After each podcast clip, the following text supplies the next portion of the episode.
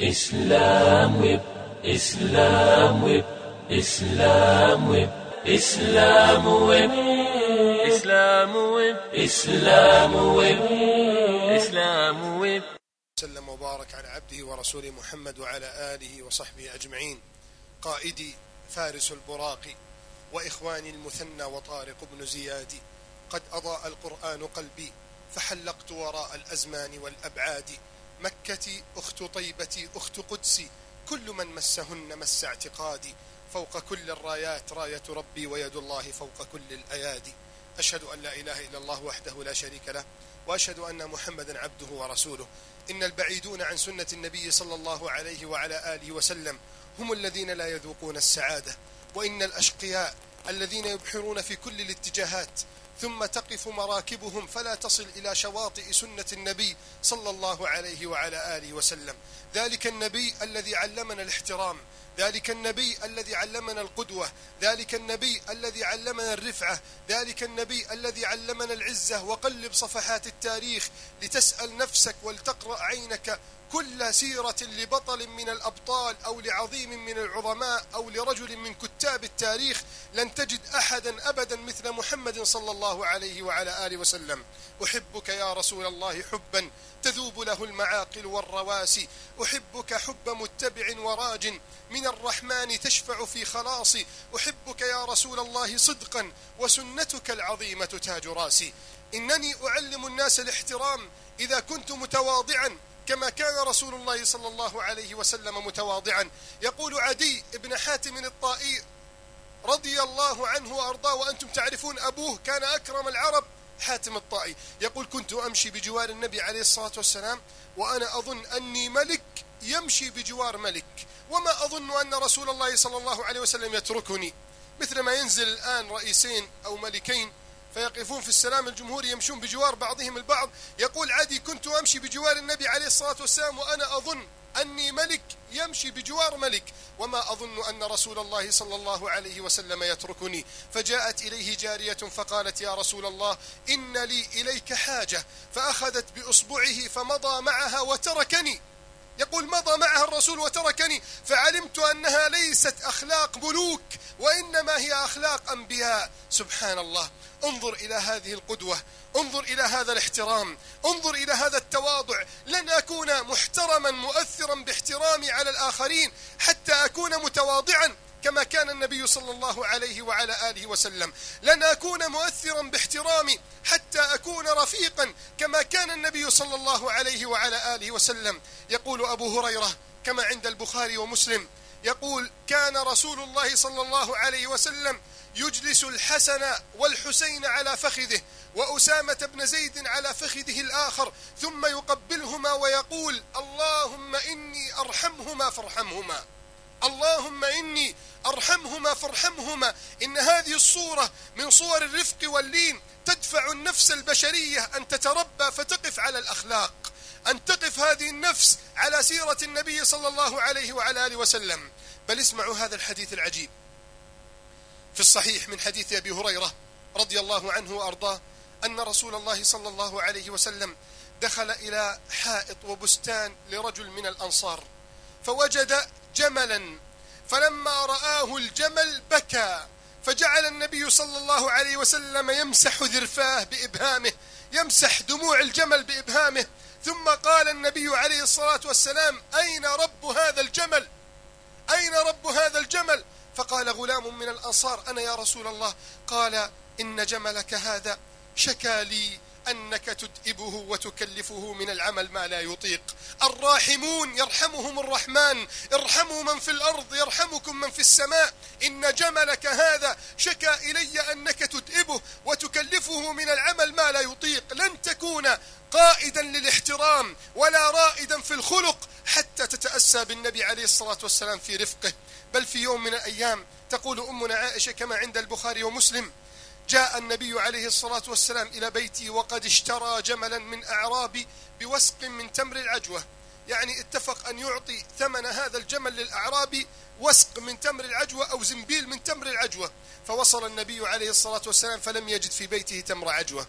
فقال أيها الأعرابي إني قد ابتعت منك الجمل على أن أعطيك وسقا من تمر العجوة وإني لم أجد في بيتي تمر عجوة. فماذا تأمرني؟ قال الأعرابي قال الصحابة ويلك أيغدر رسول الله؟ هذا محمد صلى الله عليه وسلم. لا يغدر قال النبي عليه الصلاة والسلام دعوه فإن لصاحب الحق مقالا. ثم قال أيها الأعرابي إني قد ابتعت منك الجمل على أن أعطيك وسقا من تمر العجوة وإني لم أجد في بيتي تمر عجوة فماذا تأمرني؟ قال الأعرابي واغدراه واغدراه واغدر الصحابة ويلك هذا رسول الله؟ أيغدر رسول الله؟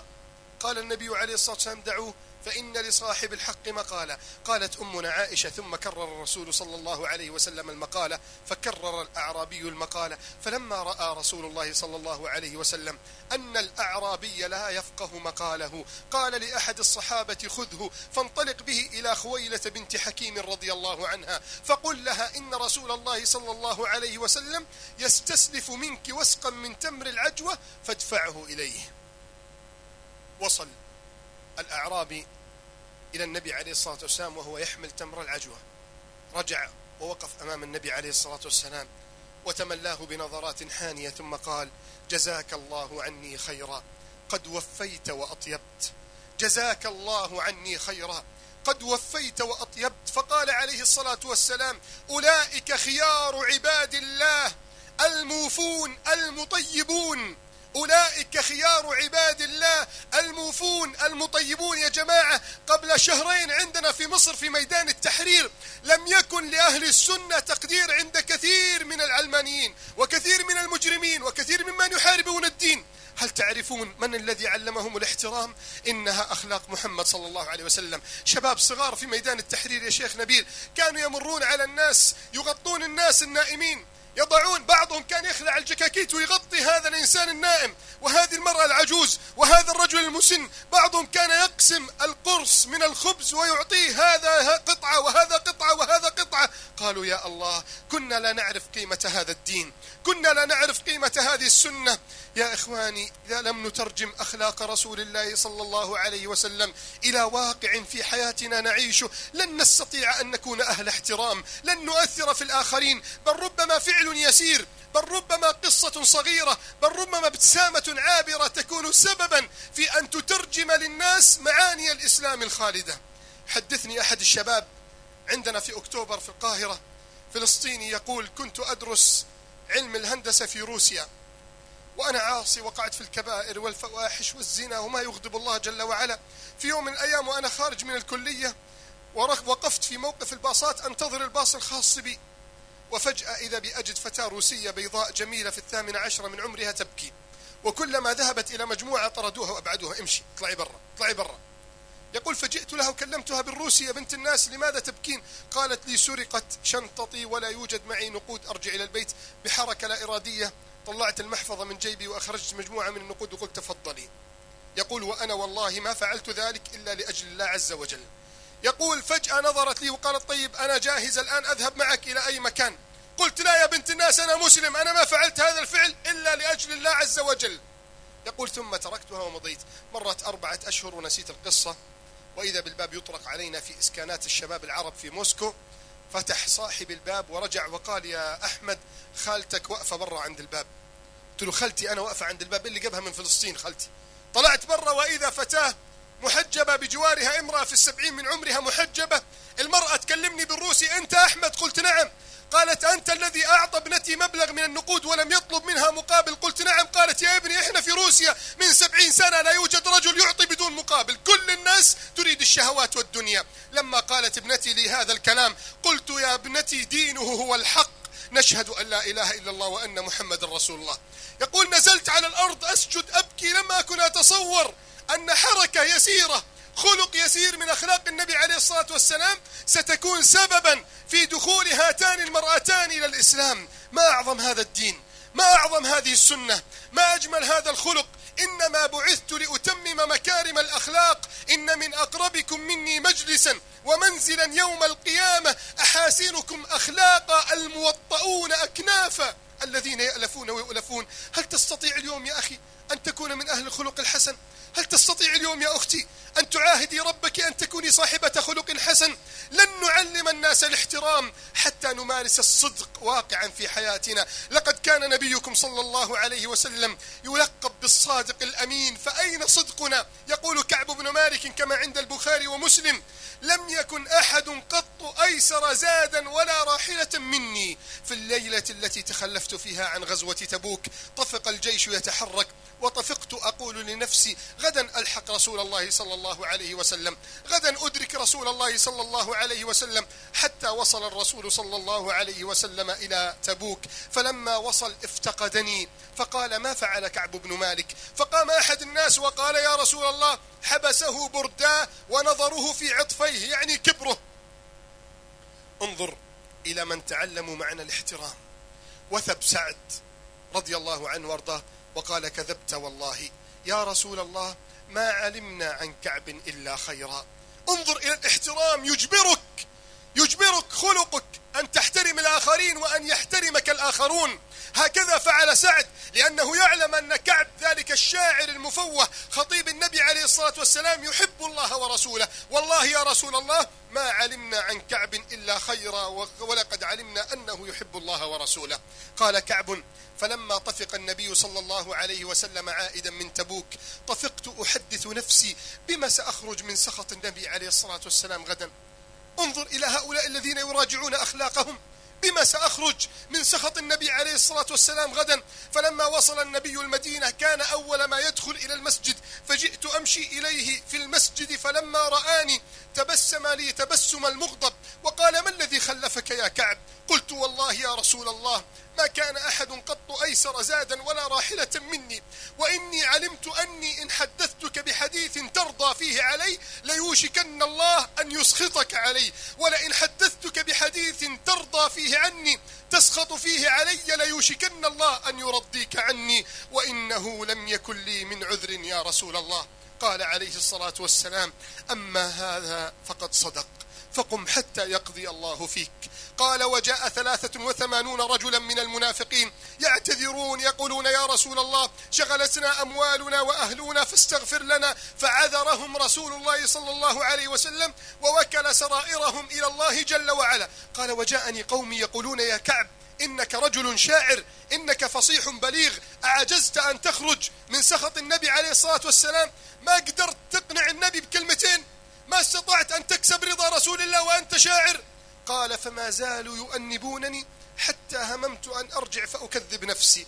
هممت أن أرجع فأقول معلش يا رسول الله كان عندي عذر بس أنا كسفت أقوله. كان عندي عذر بس ما قدرت. كان عندي عذر لكني فكرت وتلعثمت وتراجعت. ماذا حصل؟ قال فقلت لهم هل لقي معي أحد مثل ما لقيت؟ انظر إلى معنى الاحترام الحقيقي للذمة. معنى الاحترام الحقيقي للمشاعر القلبية. معنى الاحترام الحقيقي للنفس البشرية. قالوا نعم هلال بن أمية ومرارة بن الربيع. فذكر لي رجلين قد شهدا بدرا لي فيهم أسوة. فقلت لا والله لا أرجع إلى رسول الله صلى الله عليه وسلم أبدا. ثم نهى رسول الله صلى الله عليه وعلى آله وسلم الناس جميعا أن يكلموننا. نهى الناس جميعا أن يكلموننا فكنت أشب القوم وأنشطهم. كنت آتي إلى المسجد فأصلي مع النبي عليه الصلاة والسلام فأسلم على رسول الله. فيشيح النبي بوجهه عني فلا أدري هل حرك رسول الله شفتيه بالسلام أم لا وآتي إلى أسواق الناس فأسلم عليهم وأكلمهم فما يكلمني أحد حتى مرت ثلاثون ليلة وإذا أنا بنبطي من أنباط الشام قد جاءني برسالة وكتاب من ملك غسان يقول لي أما بعد فقد بلغنا أن صاحبك قد جفاك فالحق بنا نواسك تعال نواسيك إذا كنت فقدت المنصب. والزوجة والمال والدنيا والشعر والمكانة العظيمة التي كنت فيها. تعال عندنا نعطيك ما ما تتمنى وما تريد.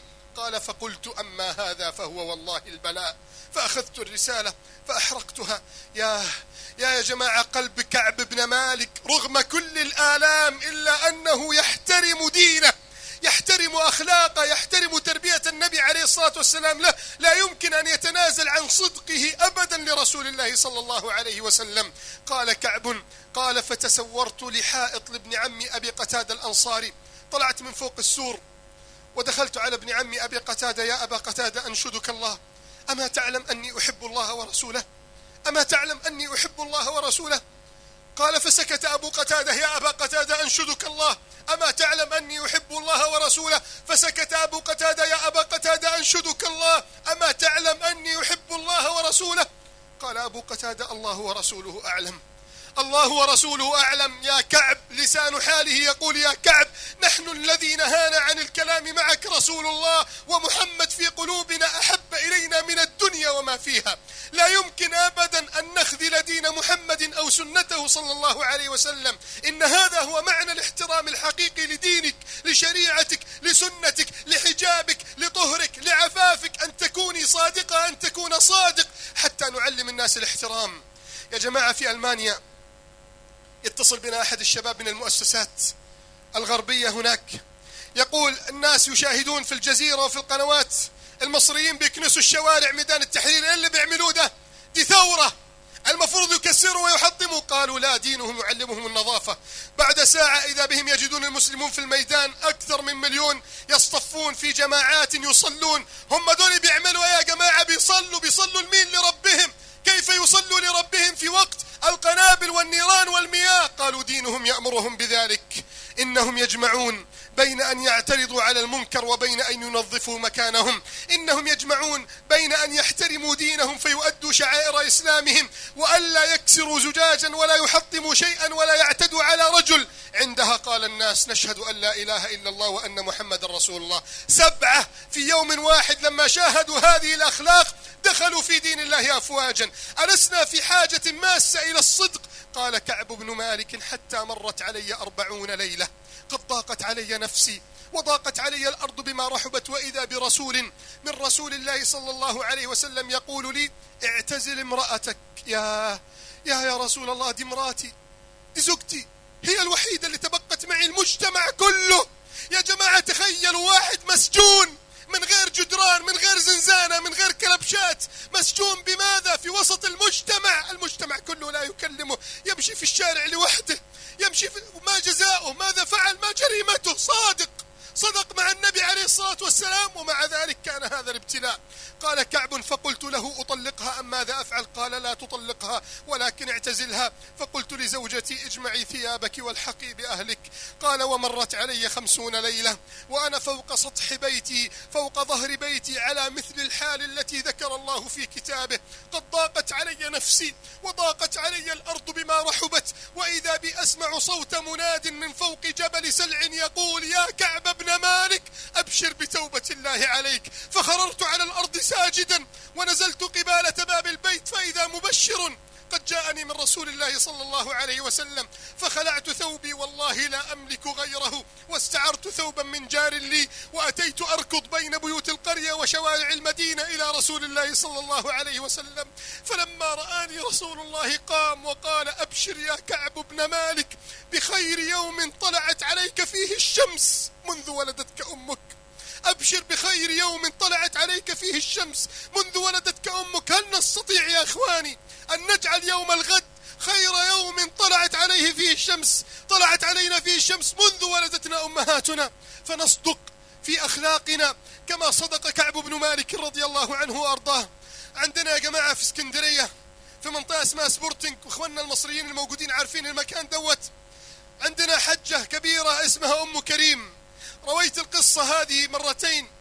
عندنا هذه الحجة كانت من المسابقات تعلم الناس الخلق تعلم الناس الاحترام تعلم الناس الصدق. جاءتني يوم 18 رمضان وقالت لي يا شيخنا أنتوا حطيتوا اسمي ليلة 27 رمضان. اتفق النساء عندنا في المسجد كل ليلة يا شيخ نبيل من ليالي العشر الأخيرة يوزعوا حلويات على المصلين. مرة كنافة ومرة رز بلبن ومرة مهلبية. قلت لها نعم يا ستي ومن يكره أن يكون ليلة 27 رمضان؟ قالت لا يا شيخنا أنا عاوزة أول ليلة وترية عاوز أكون أول واحدة تأكل الناس. أول ليلة وترية يمكن هي دي تكون ليلة القدر. قلت في نفسي سبحان الله. قلت لأحد الإخوة يطلع فوق للدور العلوي ويبلغ الأخت المشرفة تخلي الحق أم كريم.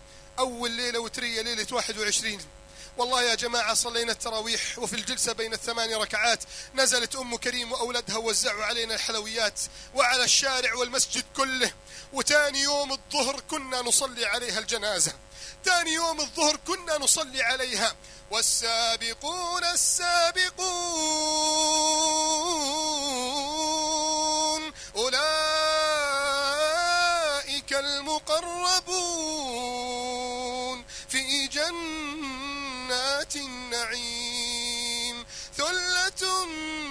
من الأولين وقليل من الآخرين. هل تستطيع أن تكون من الصادقين؟ هل تستطيع أن تكوني من الصادقات؟ حتى نعلم الناس معاني الاحترام. كيف يحترمنا الناس؟ ونحن غير صادقين في كلامنا ونحن غير صادقين في مواعيدنا ونحن غير صادقين في أقوالنا وأفعالنا. إذا لم تترجم هذه الأقوال وتلك الكلمات إلى أفعال لن نستطيع أن نملك احترام الناس ولا احترام الشعوب ولا الدول الكافرة ولا الأمم الغربية. كنا في طائرة إلى الأقصر قبل أربعة أسابيع. يركب معنا مجموعة من مشايخ الفضائيات والقنوات رايحين دعوة. ركب بالقدر بجوار رجل مسيحي. وفي الطريق كنا نمزح مع بعضنا والمضيف أول مرة يشاهد هؤلاء المشايخ الذين لم يكن لهم دور في أن يخرجوا أيام النظام السابق كانوا ممنوعين من الدعوة.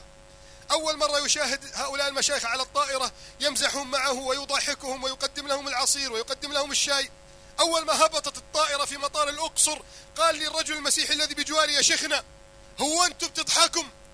إحنا ما كناش متوقعين أصلا أنكم تكونوا أصحاب دعابة وأهل مزاح. قلت له يا أخي نحن كنا محرومون أن نكلمكم عن ديننا. كنا محرومون أن نبلغكم سنة نبينا. كنا محرومون أن نخرج هذه المعاني العظيمة التي والله لو رآها العالم كله لدخل الناس في دين الله أفواجا. ألسنا في حاجة ماسة أن نبرز معاني الصدق. يقول لي الدكتور صفوة حجازي كنا في ميدان التحرير. يا شيخ نبيل لما رأى النصارى أن المسلمون يصلون ويوزعون الخبز على بعضهم ويغطون بعضهم بالبطانيات ويأتي الأخ عليه جاكيت ويجد الأخت غير محجبة يقول لا لو سمحت يا أختي خذ الجاكيت ده حطيه على رأسك. ما ينفعش الدنيا برد وأنت مش محجبة. ما ينفعش يا أختي تفتني الناس في ميدان التحرير. وإحنا جينا هنا عشان نقول يا رب أنقذنا من هذا الظلم الذي نحن فيه. يقول الشيخ لما رأى النصارى هذه الأخلاق كنت واقف أحرس مكان كان يدخل منه البلطجية وبعض المجرمين الساعة الثالثة فجرا وقت الأذان. جاءني شباب وقالوا يا شيخنا لو عاوز تروح تصلي روح صلي إحنا حنفضل في المكان ده. قلت لهم يا جماعة اتقوا الله حتى أنتم يجب عليكم الصلاة. قالوا معلش يا شيخنا إحنا كريستيان. إحنا مسيحيين. فتعجبت في نفسي وقلت سبحان الله. متى تعلم هؤلاء الاحترام والخلق إلا يوم أن رأوا أبناء الإسلام يمثلون هذا الاحترام والصدق والخلق واقعا في ذلك الميدان؟ يقول كان معي شاب صغير في 16 سنة اسمه كريم. دخل كريم صلى معي صلاة الفجر وبعد الصلاة التفت لي وقال لي يا شيخ صفوت هو إحنا لو متنا دلوقتي نكتب عند الله شهداء؟ قلت له يا ابني على حد علمي نعم لو متنا الآن سنكتب عند الله شهداء.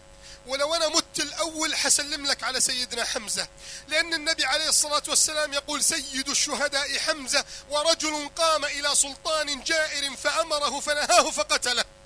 ولو انت مت قبل يا كريم سلم لي على سيدنا حمزة. بيقول والله خرجنا من المكان الذي نصلي فيه ووصلنا إلى مكان الحراسة ولم تمضي لحظات أشرقت الشمس وبدأ القناصة من فوق أسطح المنازل وجاءت رصاصة في جبهة كريم سقط على الأرض يرتجف والدم يسيل منه. كنت أمسح الدم من جبهته وهو يسحب يدي وبيقول لي يا شيخنا والله حسلم لك على سيدنا حمزة. والله حسلم لك على سيدنا حمزة. متى تعلم هؤلاء الشباب الذين كنا نظن أنهم أهل الإنترنت والقنوات الإباحية؟ والعادة السيئة والنظر إلى الفتيات إذا هم الآن يترجمون الصدق واقع في الحياة لأن قلوبهم أشربت بهذه الأخلاق. نحن أحوج ما نكون يا إخواني إلى معاني الصدق. لن نعلم الناس الاحترام حتى نكون أهل تضحية وفداء. لن نعلم الناس الاحترام حتى نكون أهل فداء للدين. في عهد النبي عليه الصلاة والسلام شاب فوق جبال الطائف اسمه عبد العزة توفي والده فتزوجت أمه بعمه. أصبح يرعى الأغنام لعمه على قراريط يسيرة. في الطريق كانت تمر به القوافل. مر به ناس لابسين أبيض وعمائم بيضاء أنتم مين يا جماعة. قالوا إحنا صحابة. صحابة مين؟ قالوا صحابة محمد صلى الله عليه وسلم. محمد هذا من؟ قالوا هذا نبي خرج في الحجاز يدعو الناس إلى عبادة الله وترك الأصنام والزنا والخمر. قال أنا على دينكم معه. أنا على دينكم معه. وبدأ يعلمونه شيئا من القرآن والسنة. رجع إلى بيته يا عماه لقد خرج نبي بالحجاز يدعو الناس إلى عبادة الله. أسكت يا ولدي لا تتكلم. يا عماه إنه يأمر بالبر والصلة أسكت يا ولدي. إن تكلمت أنت خارج بيتي. مرت تسعة أشهر كاملة. محملة بالشوق والحب والرغبة في لقيا رسول الله صلى الله عليه وسلم حتى قال يا عماه قد احترق قلبي شوقا إلى رسول الله وإني والله لا أبقى في دارك أبدا. إذا والله يا عبد العزى لا تخرج من بيتي إلا عريانا. ويجرده من ملابسه كلها. ابن 16 سنة اليوم الذي يجري ويلهث وراء الشهوات. انظروا ماذا فعل في عهد رسول الله. يجري بين بيوت القرية وفي الخرابات يبحث عن قطعتي قماش تستران السوءة يستر سوءته وينزل من فوق جبال الطائف إلى المدينة. 600 كيلو متر على قدمه حتى وصل إلى الرسول مجهد الخطوات. نحيف البدن شاحب الوجه أصفر اللون. أين رسول الله؟ دلوني على رسول الله. والنبي عليه الصلاة والسلام ينظر. أفي الناس شاب كهذا؟ أفي الناس رجل كهذا؟ من أنت؟ قال أنا عبد العزى. من أنت؟ أنا رسول الله. أكب عبد العزى على قدم النبي صلى الله عليه وسلم يقبلها ويقول يا رسول الله لقد جاءني قومك فعلموني من الإسلام كذا وكذا ومن السنة كذا وكذا فاحترق قلبي شوقا فهجرت بيت عمي فطردني عريانا فجئتك والله لا أملك إلا ما أستر به سوءتي يا رسول الله. مرت الأيام وجاءت غزوة تبوك. قال له النبي أنت عبد الله ولست عبدا للعزة في الطريق يمشي بجوار النبي عليه الصلاة والسلام. يقول يا رسول الله أدعو الله أن يرزقني الشهادة وأن يحشرني من بطون السباع وحواصل الطير. يرفع النبي كفيه ويقول اللهم اعصمه من سيوف الكفار. يا رسول الله أريد الموت وأنت تدعو لي بالحماية والحفظ. أريد الشهادة وأنت تدعو لي أن يعصم الله من سيوف الكفار؟ مهلا يا عبد الله أما علمت أنه من خرج من بيته في سبيل الله فوقع عن راحلته فمات فهو شهيد. أما علمت أنه من خرج من بيته في سبيل الله فأصابته الحمى فمات فهو شهيد. قال أبو موسى الأشعري رضي الله عنه وأرضاه فلما قفلنا راجعين من غزوة تبوك خرجت في الليل أتلمس خيمة رسول الله صلى الله عليه وسلم فلم أجد رسول الله في خيمته وإذا نار مضاءة في آخر العسكر فجئت قبالة النار فإذا أبو بكر وعمر جالسان وإذا أمامهما عبد الله ممدد قد أصابته الحمى فمات وإذا رسول الله يحفر قبره بيده ثم اضطجع الرسول فيه مدة ثم قال إني اضطجعت في قبر أخيكم عله أن يكون بردا وسلاما عليه. ثم قال ناولوني أخاكم. فناولوه عبد الله فاحتضنه مدة إلى صدره ورفع بصره إلى السماء وقال اللهم إني أشهدك أني عنه راض فرض عنه اللهم إني أشهدك أني عنه راض فرض عنه يا شباب يا فتيات يا رجال يا نساء يا شباب قطر يا أبناء هذا المجتمع الطاهر ماذا فعل عبد الله؟ حتى يرضى عنه النبي عليه الصلاة والسلام. ماذا نستطيع أن نقدم نحن حتى نجبر العالم كله أن يحترم ديننا أن يوقر إسلامنا أن يقدر أخلاقنا؟ أن نصدق كما صدق عبد الله. يوم 28 رمضان الماضي خرجت من الاعتكاف تكسر الزجاج عندنا في البيت فذهبت أشتري زجاج للشباك.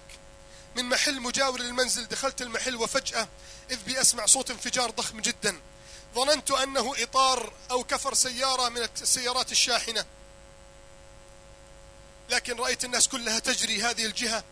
فتحت الباب ونظرت وإذا انفجار في عمارة تبعد عن السكن أربع أو خمس عمائر. والناس كلهم يركضون جهة النار وجهة الانفجار. وواحد راجع والناس كلها في طريق وهو لوحده يرجع. سألته ما المشكلة؟ قال لي أنا مش عارف يا شيخنا أنا سمعت الانفجار ونزلت أجري. نزل بملابسه الداخلية العادية وهو يسكن في الدور الرابع وهو لا يدري ماذا يحدث. قلت في نفسي سبحان الله ما هو حالنا يوم القيامة؟ يوم تذهل كل مرضعة عما أرضعت.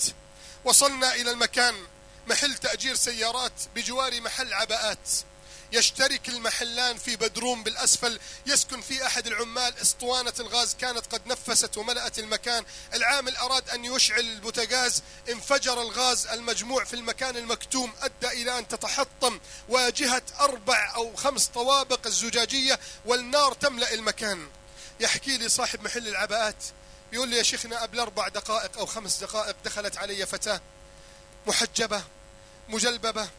قالت يا شيخ نبيل أنا أريدك أن تفصل لي نقاب وعباءة جديد وإسدال جديد حتى أقابل الله به في العيد. يا بنت الناس إحنا النهارده 28 رمضان ما ينفعش أفصل حاجة. والله والله مش همشي من هنا إلا لما تفصل لي نقاب جديد وخمار جديد.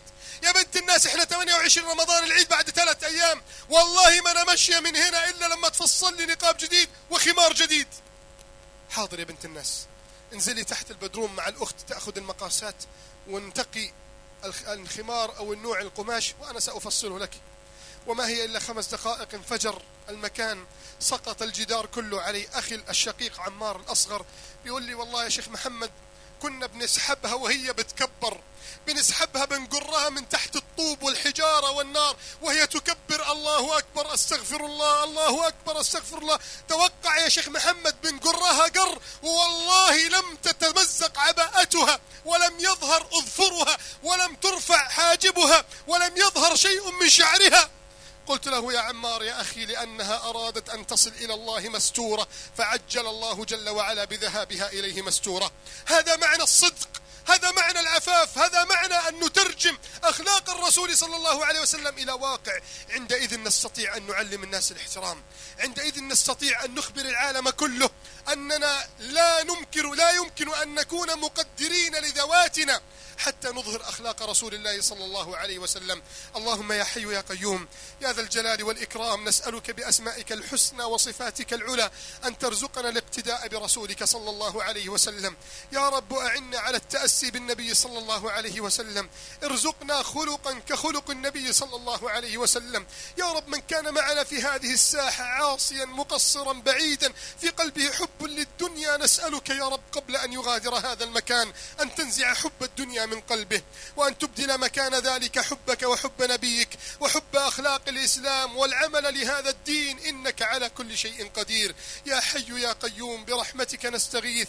أصلح لنا شأننا كله ولا تكلنا إلى أنفسنا طرفة عين ولا أقل من ذلك. اللهم بارك في أهل هذه البلدة المباركة وبارك في القائمين على هذا المنتدى المبارك وهذا الملتقى الطيب. اللهم اجعل كل ما يقدمونه في ميزان حسناتهم. إنك على كل شيء قدير. والحمد لله رب العالمين وصلى الله وسلم وبارك على عبده ورسوله محمد وعلى آله وصحبه أجمعين. كان من عادة شيخنا محمد العثيمين الله يرحمه لما كنا عنده في القصيم يسمح لنا أن نتكلم بين يديه حتى يصوب أخطاءنا ويقومنا. عشان كده اللجنة المنظمة جزاهم الله خير قدموني وأنا أصغر من الشيخ نبيل حتى يكون هو مسك الختام ولعله يصوب أو يقوم بعض الأخطاء التي وقعت فيها. جزاكم الله خيرا.